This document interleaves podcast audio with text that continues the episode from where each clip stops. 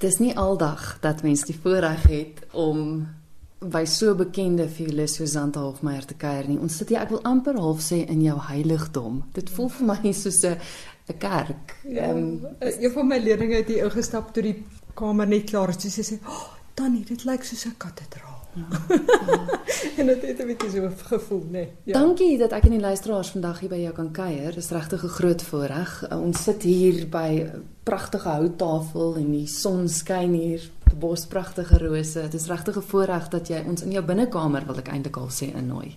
Dankie. Dankie. Die voorreg is myne. Ek waardeer dit so dat daar belangstelling is, jy weet, want musiek is so belangrik in die lewe. En uh, ons is maar die maar die instrumente vir die musiek ook, die mense wat dit speel. Zanda Hofmeyer, so bekende violis in Suid-Afrika, vinnig gou net vir luisteraars, presies waarmee is jy alles besig? Ek is nou besig met 'n klomp konserte met die Wits Trio op die oomblik. En um, tussendeur doen ek uh, solo konserte. Ek het nou net 'n solo konsert saam met Malcolm Ney in Windhoek gespeel. Ehm um, en dan in Augustus doen ek 'n konsert saam met Elna van der Merwe, 'n pianis van Stellenbosch. Ons het uh, sopas 'n nuwe CD vrygestel uh van Franse sonates. Dan is daar klop idees in my kop uh van van verdere projekte. Ek het hierdie jaar begin met die 10 Beethoven sonates. So voel vir my ek ek is nog steeds half my kop is nog stadig besig om daarvan af terug te kom want dit was so 'n grootse belewenis geweest. Maar jy is ook genooi as 'n beoordelaar vir internasionale kompetisie? Ja, ek het amper vergeet. Ja, dit is in uh, September. Uh is ek op die paneel van 'n kompetisie in Italië, die Rudolfo Lipitzer uh kompetisie. Dis 'n viool kompetisie. En dan gee jy klas? Ja, ja, ja. Ek gee les. Uh, ek is deeltyds by die Universiteit van Pretoria en ek gee ook privaat les hier by die huis in hierdie kamer. So dit is waarmee ek my besig hou en ek oefen baie. Ek moet baie oefen. Ek is nie iemand wat sonder oefen kan goed speel nie. So dit is maar dit hou mense ook lekker op die aarde uh en dit is 'n ek dink is 'n goeie manier om te lewe. Die luisteraars het nou die voorreg gehad om na die eregas eintlik van vandag se onderhoud te luister en dit is 'n viool met so 'n mooi storie. Ek onthou die eerste keer toe ek jou ontmoet het, het jy vir my vertel van hoe jy en die viool mekaar eintlik ontmoet het. En ek het daarin dan besluit ek moet by jou kom kuier. En uh, ek is verskriklik bly om nou uiteindelik die viool te kan sien. Maar kom ons begin eers by die storie. Hoe het jou en die pragtige instrument se paie gekruis? Uh, Christel, ek het altyd op 'n instrument gespeel wat aan my geleen was uh, deur uh, vriende van my ouers en ehm um, so ek het nooit regtig die keuse gehad oor oor watter instrument ek wil speel nie. Eers was dit my pa se viool in die huis en toe het ons 'n ander instrument gekoop ehm um, wat jy weet net skielik beskikbaar was en en ek het dit gekry en daarop gespeel en toe hier leen ons die 'n klots viool wat uh, baie mooi geklink het en ek is toe nou daarmee oor see na um, New York. Ja, want net vir die luisteraars, dis waar jy toe nou gaan studeer het. Dis reg. Dit ja. was toe ek 17, ek het in daai jaar 18 geword. En toe so in my tweede jaar, toe begin ek dink, "Joe, jy weet, ek kan seker nie vir ewig die viool leen nie. Ek sal moet my in, eie instrument koop." En ek het gesien hoe lank proses dit kan wees om 'n instrument te koop. Jy weet jy jy kan soek en soek tot jy te, eendag hopelik min of meer tevrede is met wat jy vind want elke viool het 'n ander klank. Dit is 'n baie persoonlike verbintenis tussen 'n speler en en die instrument, veral strykinstrumente. Ehm um, en toe dog ek wel, miskien moet ek nou maar net begin om te kyk na instrumente. Natuurlik die ander faktor is die prys, want dit kan baie duur wees. Val as jy goeie een soek seker ook. Ook, ja. presies, ja. En natuurlik as daar 'n naam ingeskryf is met 'n datum, dan is die waarde onmiddellik hoër. So dit is dit is 'n bydraende faktor. En my kamermaat wat ook 'n violis is en uh, ek het gesien hoe lank sy gesoek het en dan sit hierdie viool, dan daardie een, dan jy weet, en dit het my nou natuurlik aan die dink gesit. Toe besluit ek goed, ek gaan nou maar uh, na die man wat altyd my viool reggemaak het, David Siegel. Hy het oorkant my my woonstelblok gebly in op uh, 63ste straat tussen Broadway en Columbus. Net so naby Juilliard en ek gaan net vir hom sê David, ek wil net graag begin kyk na viole. Het jy viole wat ek op bietjie op kan speel?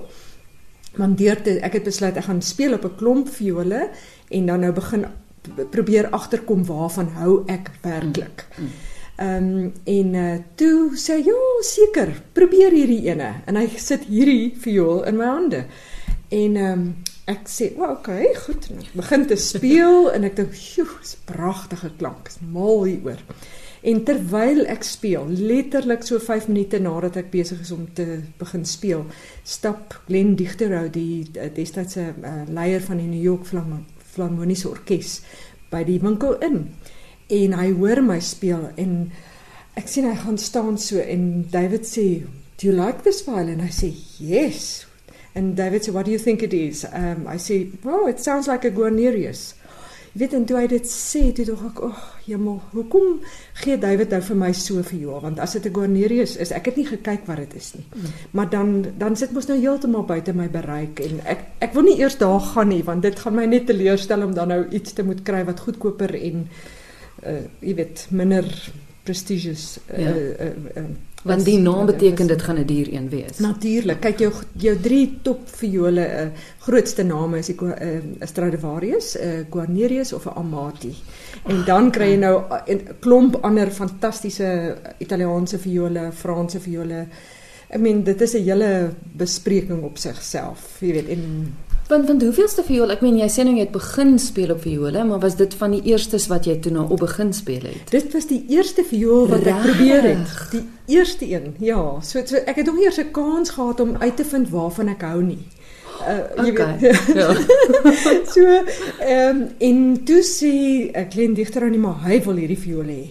Hy hy hy wel ja, die volgende bespreking is toe wat wat is die prys?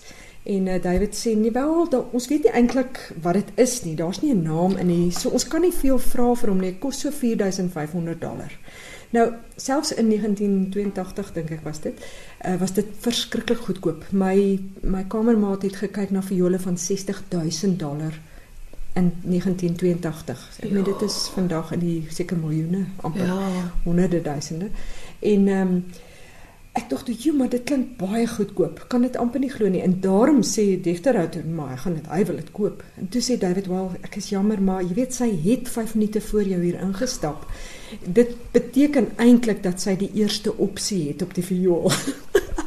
jy weet, en ek ek staan daar student met geen geld nie en ek het nou maar net kom kyk na, jy weet, my eerste viool wat ek nou op wil speel en hier word ek onmiddellik voor 'n keuse gestel van wil jy hierdie viool koop of nie.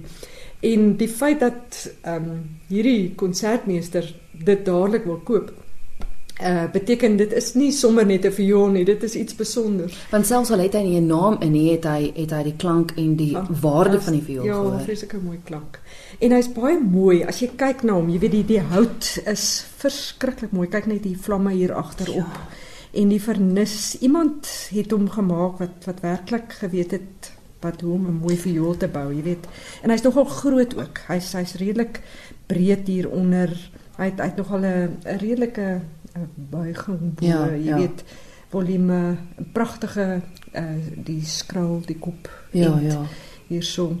So dit is dis regtig ook ehm um, net 'n mooi viool, ja. oogpunt en uh jy weet hoe dit gemaak is. Dit was 'n werklike tegnikus wat wat ges, mooi kunstige instrument geskep het. Ehm um, in elk geval die volgende stap is toe dat ek toe sê goed, ek sal dit vir 'n dag neem.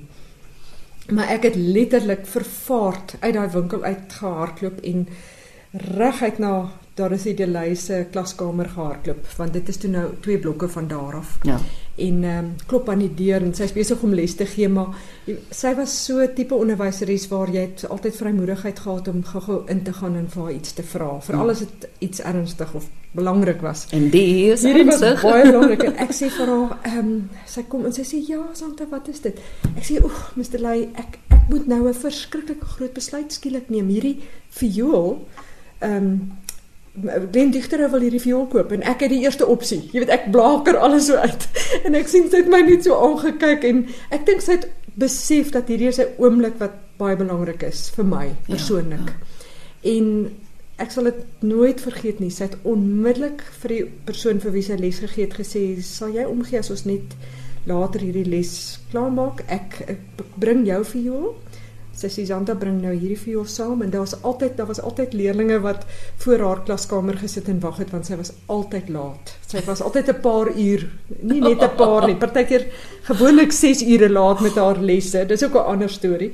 En so daar was altyd violiste studente wat met hulle instrumente voor haar klaskamer gesit het en so op die banke gelê en slaap het of gesels en wag vir hulle lesse. en uh, sy roep toe sommer dadelik twee of drie van hulle en sê kan julle gou saamkom? Ons gaan nou na ehm um, ehm um, wat is die ek kan die naam uh, van die saal meer onthou nie. Uh gou-gou na die groot konsertsaal toe en ons gaan gou-gou luister. Ek wil net gou 'n paar instrumente vergelyk met hierdie viool. Kan jy glo? Jy weet, en ons stap af en ons gaan toe en ek en sy sit toe agter in die saal en hulle speel op hierdie viool en hulle eie instrumente. En van die instrumente van die studente was baie goeie instrumente.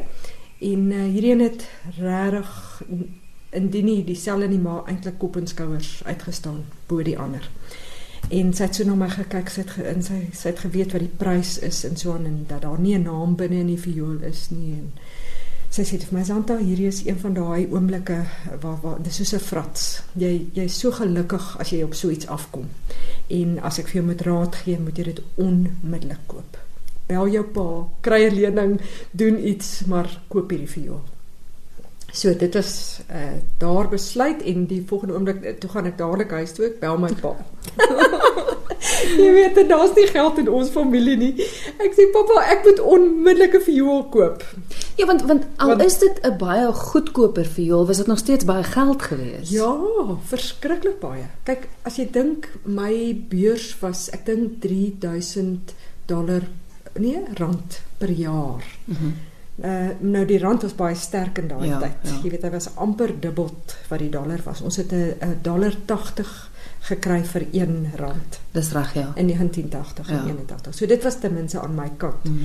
Ehm mm um, en voordelig, maar nog steeds 4000 dollar was is baie geld geweest. Ehm um, En uh toe verduidelik ek nou toe sê hy stadig stadig verduidelik nou eers die hele storie toe ek nou weer die hele storie vir hom vertel toe sê hy wel hy sal kyk wat ek kan doen maar ek sê vir hom hierdie is ek het net 'n dag want hierdie ander man wil nou hierdie vir jou blaas in my nek ja ek het nou vinnig besluit en hy het toe iemand gevind wat ehm um, geld gegee het vir beurse vir studente want my pa het 'n beursfonds begin studietrust in 1974 So hy het mense geken wat geld gee. En toe sê hy hierdie keer wil hy vir die persoon sê is eintlik vir sy eie kind wat hy nou moet geld vra. En maar dit is 'n lening, ons sal dit terugbetaal. Uh en die man was toe ehm um, baie baie dierbaar. En hy sê toe hy sal dit vir my leen en ek kan dit terugbetaal so gou as wat ek uh, begin werk. En die geld is toe deurgesit en ek het die volgende dag na David Segal gegaan en gesê I'm buying. Oh. en dit is toe nou hoe ek die viool gekry het. En dis interessant, hy was soveel groter gewees as die uh, Josef Klots waarop ek of Egidius Klots, ek kan nie sê Egidius Klots waarop ek gespeel het dat um, ek het onmiddellik uh, wat hulle noem tendinitis gekry in my linkerhand. Dit is soveel omdat groter. hy soveel groter was. Ek moes baie ek moet baie verder rek oh. oor die ehm um, hierdie hierdie boonste deel naby die vingerbord. Ja en ehm um, so sodat ek vir 3 weke toe weer moes ophou speel om net my hand te laat herstel want ek's natuurlik so entoesiasties toe ek dink ek het non-stop geoefen en gespeel want die klank was so fantasties en ehm um, so dit was 'n bietjie 'n aanpassing aanvanklik maar toe het ek nou mooi gewoond geraak en geleer hoe om stadig mooi behoorlik op te warm voor ek allerhande passasies begin speel op die instrument. So dit was toe nou in 1982 en nou spring ons vorentoe na omtrent 2008. Toe was ek in Italië en ek het um, ek het gaan kyk na vir eers keer in my lewe was ek in Cremona gewees ja. waar ja. hierdie groot mense gebly het, né, Stradivarius, Guarnerius, Amati, almal het van daar af gekom. En toe gaan ek na uh Genoa, Gen, uh, Genua, ja. Genua, nee. Uh, dit is mos die uh, hawe stad onderkant Milan net so vir 3 dae. En dit is die geboorteplek van Paganini. En Paganini het gespeel op 'n Guarnerius wat hulle noem die Canon, soos 'n kanon. As 'n uh, the Canon. En daai viool uh, is in so 'n glaskas daar in uh, in 'n museum waar al Paganini se uh, vioolkas en al sy goedertjies word daar uitgestal. En die ehm um, kurator van die Canon viool uh is ook uit 'n winkel net daar naby waar hy viole maak en hy ehm uh, ek neem toe my viool na hom toe en ek sê toe ag sal hy sommer 'n bietjie vir my kyk na my viool en 'n bietjie diens, jy weet, mooi uh, regmaak alles en so en en dan ook sommer vir my sê wat hy dink dit is. Want wat niemand tot weet wat dit is. Ja, jy ja. toe jy toe nog glad nie geweet. Ek meen hy het nie 'n naam nie, so jy weet jy wat hy. Ja, want van 82 af elke keer as ek by 'n ander handelaar of vioolmaker kom dan sê ek kyk bietjie na my viool, wat dink jy is dit? Jy weet niemand kan vir my sê nie. En toe kyk hy daarna en toe na 2 dae toe gaan haal ek my en ek sê te hom so, "Do you have any idea? Het jy enige opinie oor die viool?" Hy sê weet jy dis 'n die presiese kopie van die Canon. Ja, so iemand het 'n kopie gemaak van die Guarnerius viool, die die die Canon. Want hy sê die die afmetings is presies dieselfde. En nou daar is byvoorbeeld 'n Viotom, is 'n vioolmaker wat nie Viotom uh Viom, skus ek sê mekaar, Viotom is 'n komponis. Viom het het 'n klomp viole gemaak wat hy ook kopieë gemaak het van Stradivarius en Guarnerius viole. En so so daar is makers wat dit gedoen het en selfs vandag nog, jy weet mm, word mm. daai hulle weet presies vandag die afmetings van van die ou viole. Ja. So dis nie moeilik om dit te doen nie. Maar is nog steeds 'n kuns om 'n viool werklik goed te laat klink. Maak nie saak of jy die presiese afmetings gebruik nie. Daar's allerlei elemente betrokke, jy weet. Uh ja, so dit het vir my so 'n bietjie 'n aanleiding gegee van van dalk iewers 'n verband, jy weet.